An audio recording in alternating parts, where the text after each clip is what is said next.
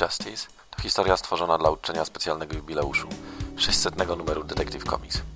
Jest specjalna na miarę tego jubileuszu.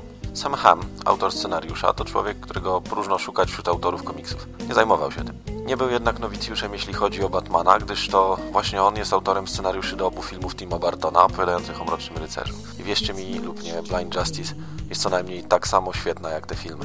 Pierwszy rzut oka wydaje się, że jest to zwyczajna, prosta historia. Trochę nawet naciąga strunę zwykłej Batmanowej wiarygodności, kiedy na horyzoncie pojawiają się takie wynalazki jak wszczepiane do mózgu chipy produkowane przez Wayne oraz takie kliszowe postacie jak na przykład, no, prawie szalony naukowiec.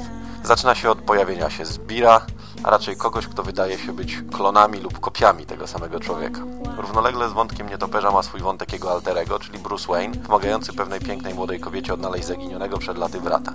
Oba z tych wątków splatają się w firmie milionera. I wtedy właśnie akcja nabiera tempa. Jest w tej historii masa rzeczy, które wydadzą się nam znajome. Jest więc Bruce Wayne przed sądem. Wprawdzie oskarżony o szpiegostwo na rzecz Sowietów, nie o morderstwo, ale motyw ten potem powraca. Jest Wayne postrzelony, niezdolny do funkcjonowania bez wózka inwalidzkiego. Motyw, który kilka lat później powrócił w Nightfallu. Są starzy znajomi, to go od Ham przybywa m.in. Henry Lee Cat. Jest wreszcie coś, co zdarza się niezwykle rzadko, a więc nowa twarz pod kapturem nietoperza. I właśnie ten ostatni motyw odkrywa przed nami samo sedno historii Hama. Zabiera on nas na przejażdżkę przez ważny świat techniki i pracy detektywistycznej, ale nade wszystko jest to skok w głąb psychiki Bruce'a Wayne'a.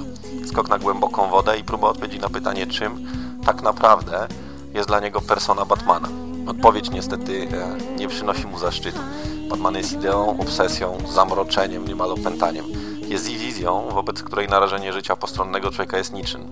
Jak silną i destrukcyjną obsesją władnięty jest Wayne, z tego zdajemy sobie sprawę dopiero, gdy w wyniku jego działań ginie człowiek. Ta jego postawa uświadamia nam też emocjonalną pustynię skrzętnie skrywaną za maską. Klamra spinająca historię, sen Wayne'a, ukazuje Batmana jako samoistną, dominującą postać, która żyje kosztem swojego nosiciela, przynosząc mu jedynie cierpienie. To dosyć odważne i niecodzienne, ale też niezwykle ciekawe spojrzenie na Mrocznego Rycerza.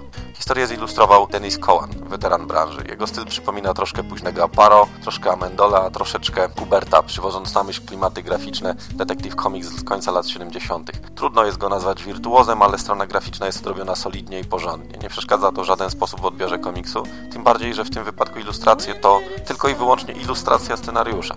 Szczególnie, że tuż położyli Giordano i McLaughlin, również weterani. Kolorem zajął się Roy, znany dobrze czytelnikom polskich wydań z początku lat 90. Jest to najsłabszy element grafiki, szczególnie, że posiadane przeze mnie wydanie to oryginalny paperback sprzed ponad 25 lat. Poligraficznie są to niestety nadal lata 80. i to widać, ale jest to mankament czysto techniczny. Blind Justice to doskonała historia, mocno odmienna zarówno od klasycznego nurtu detektywistycznego, jak i od współczesnego technicznego gadżeciarstwa. To historia dojrzała, przemyślana, przesycona psychologią i trochę przerażająca na pewno doskonała na jubileusz 50-lecia najdłużej wydawanego periodyku superbohaterskiego na świecie. Pozdrawiam, godaj.